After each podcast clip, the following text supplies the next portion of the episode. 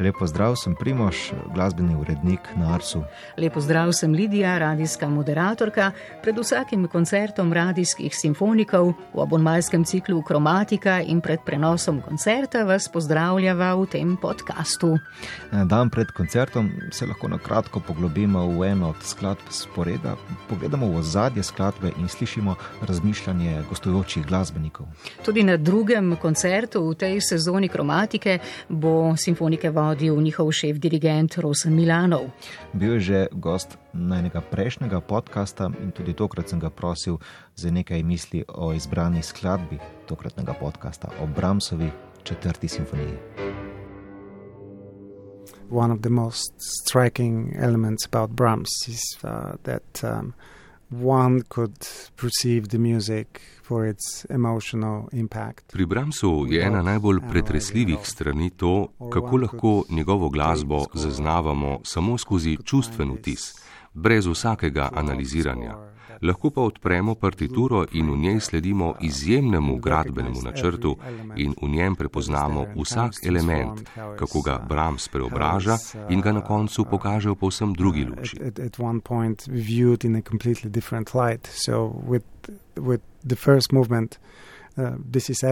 V prvem stavku je to očitno takoj na prvi strani, ko pogledaš prvi interval, ki je terca.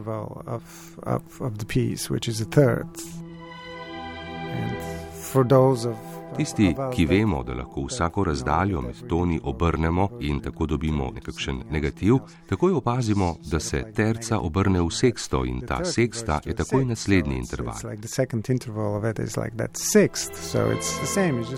Gre za enako glasbeno enoto, ki je le obrnjena.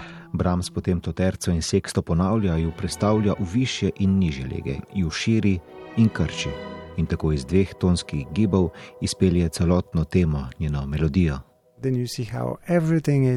Tako počasi vidiš, kako je vse v tej glasbi vprašanje in odgovor.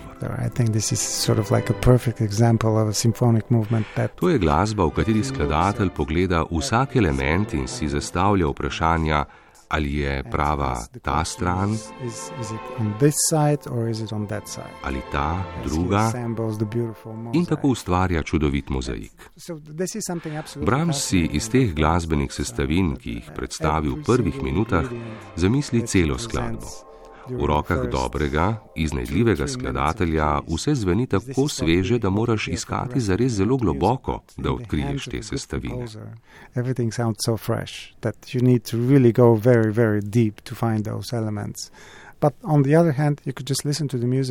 Po drugi strani pa lahko samo poslušaš glasbo in začutiš to enkratno enotnost. Glasbo, ki se odvije zelo naravno in v resnici te pri tem ne preseneti. Lahko zapreš oči in zapeljete po toku te velike reke. On a, on a big river.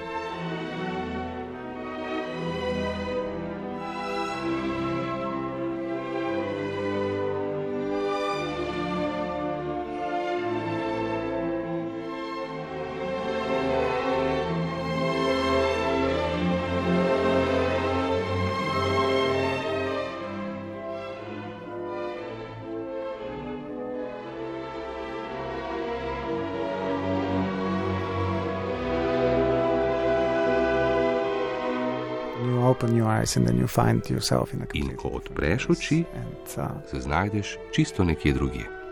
In je tako purely passionate. What I found about Brahms music so inspiring is that it, it doesn't. Vse to je tako strastno. Pri Bramsu me navdahne, da zato ne potrebuje posebnih pretiravanj, ne potrebuje velikih romantičnih, pretirano vznesenih potez, vse povezalo naravno, iskreno. Mislim, da s tem pritegne ljudi, z romantičnim, vzvišenim jezikom, ki pa je nenarejen in iskren. Mislim, da je to, kar apelira ljudem romantic, lofty language, but very natural, very human. It feels very natural and well paced.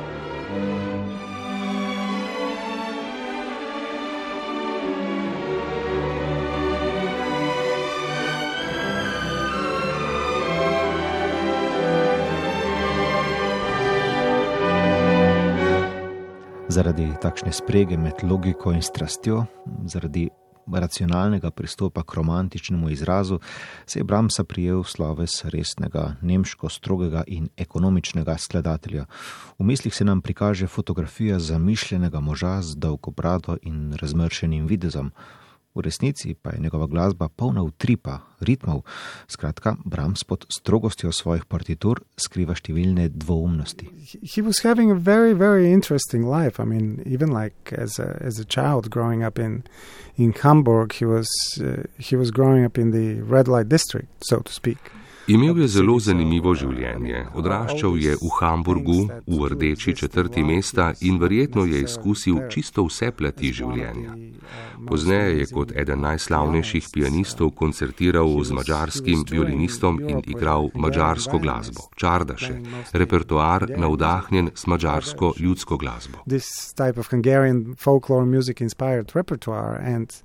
I mean, maybe it's not that much of a coincidence that in almost every major piece there is. Mogoče ni na ključje, da je vsaka Bramsova večja skladba vsaj malo začinjena z mačarsko glasbo. Včasih smo šele v tujini takšni, kakršni smo, saj imajo doma ljudje od nas preveč pričakovan o tem, kaj je primerno in kaj ne. Po mojem mnenju ga je privlačil ta svet ritma, mađarske strasti, saj je bil drugačen od takratnih pričakovanj nemškega okolja.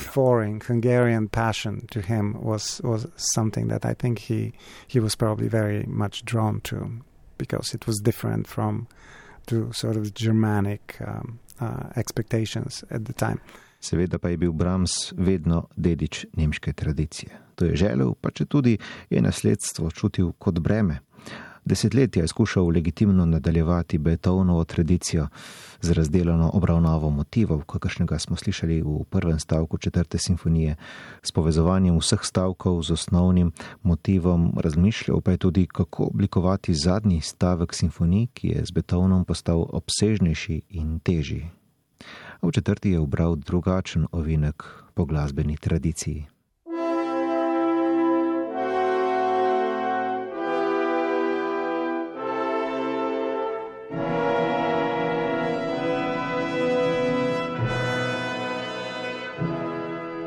He turns back to uh, to the music of Johann Sebastian Bach because uh, in the the last movement, the finale, so he turns into solution which is as anti. Obrne se k glasbi Johana Sebastiana Baha, k rešitvi, ki je najmanj betovnovska. Izbere najbolj statično obliko, pa sakaljo, ki zahteva, da se skozi celo skladbo ponavlja ista tema.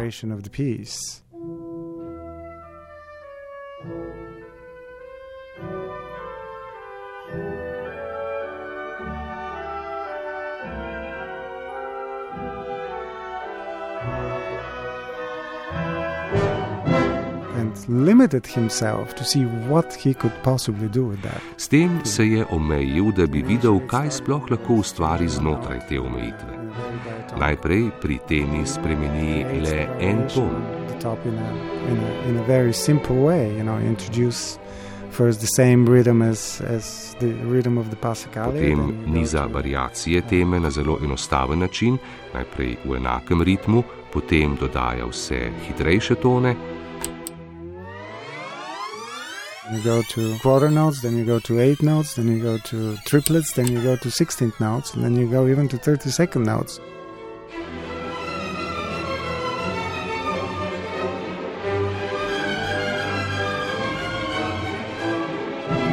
The music kind of tries to tries to break out from that, uh, from that. Um, Glasba se trudi izviti iz okovov teme, ki si jo je zastavil, potem ustvari čudovite glasbene podobe v duru, od tam nas spelje k koncu, za katerega pa bi rekel, da je zelo tragičen.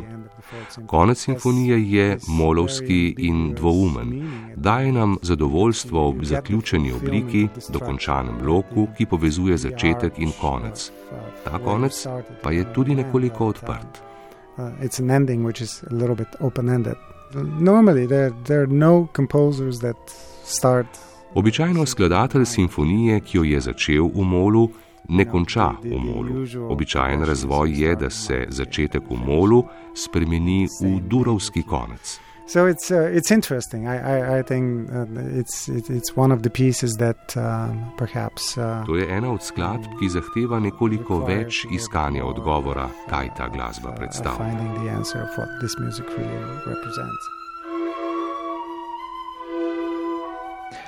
Vprašanja, ki jih je Bram zastavljal z obračanjem intervalov in motivov v prvem stavku, tako tudi na koncu, ne dobijo odgovorov filozofska pot, ki gre v smer postavljanja pravilnih vprašanj in ne nujno iskanja odgovorov, nas pripelje nazaj k začetnemu emolu. Well, I think he's interested in the process of finding the answers. If you continue asking the right questions, you could never really end that discussion.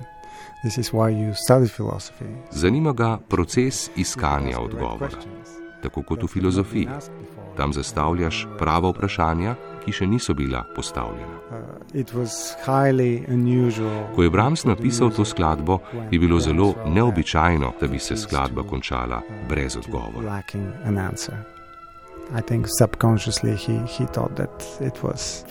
Mislim, da je to skladbo podzavestno pustil kot simfonično sporočilo prihodnosti.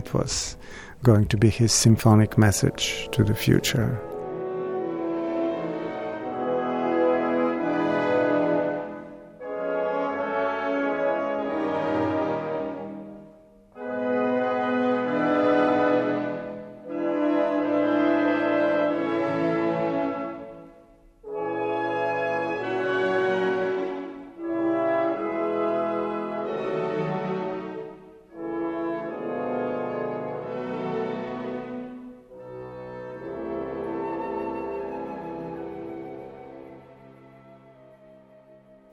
Primoš, tako sta z Rosanom Milanovom predstavila nekaj najpomembnejših značilnosti Bramsove četrte, ki jo bodo simfoniki zaigrali na četrtkovem koncertu. Ja, naš radijski orkester smo poslušali tudi v odlomkih. V arhivu imamo kar nekaj izjemnih izvedb te simfonije. Meni so osebno še posebej všeč izvedbe s tremi šefi dirigenti simfonikov.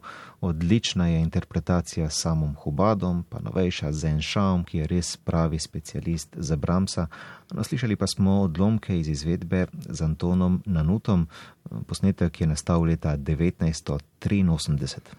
Poleg Bramsa bo na sporedu še Chopinov prvi klavirski koncert s solistom Dejanom Lazičem. Predtem pa bo na vrsti dosti novejša glasba. E, ja, skladba slovenske sodobne skladateljice Larise Vrhunc, naslov ima med prsti zven podobe številka dve. E, skladba ni nova, izvedena je bila že pred osmimi leti, na program kromatike pa smo jo uvrstili, ker gre za eno od novejših domačih del s senzibilnim pisanjem za orkester. To pri njej res izstopa. Pridite v Galusovo dvorano na koncert ali pa poslušajte neposredni prenos na programu Ars. Podcast Dan pred koncertom najdete na spletni strani programa Ars na portalu RTV4D in v vaši izbrani aplikaciji za podkaste.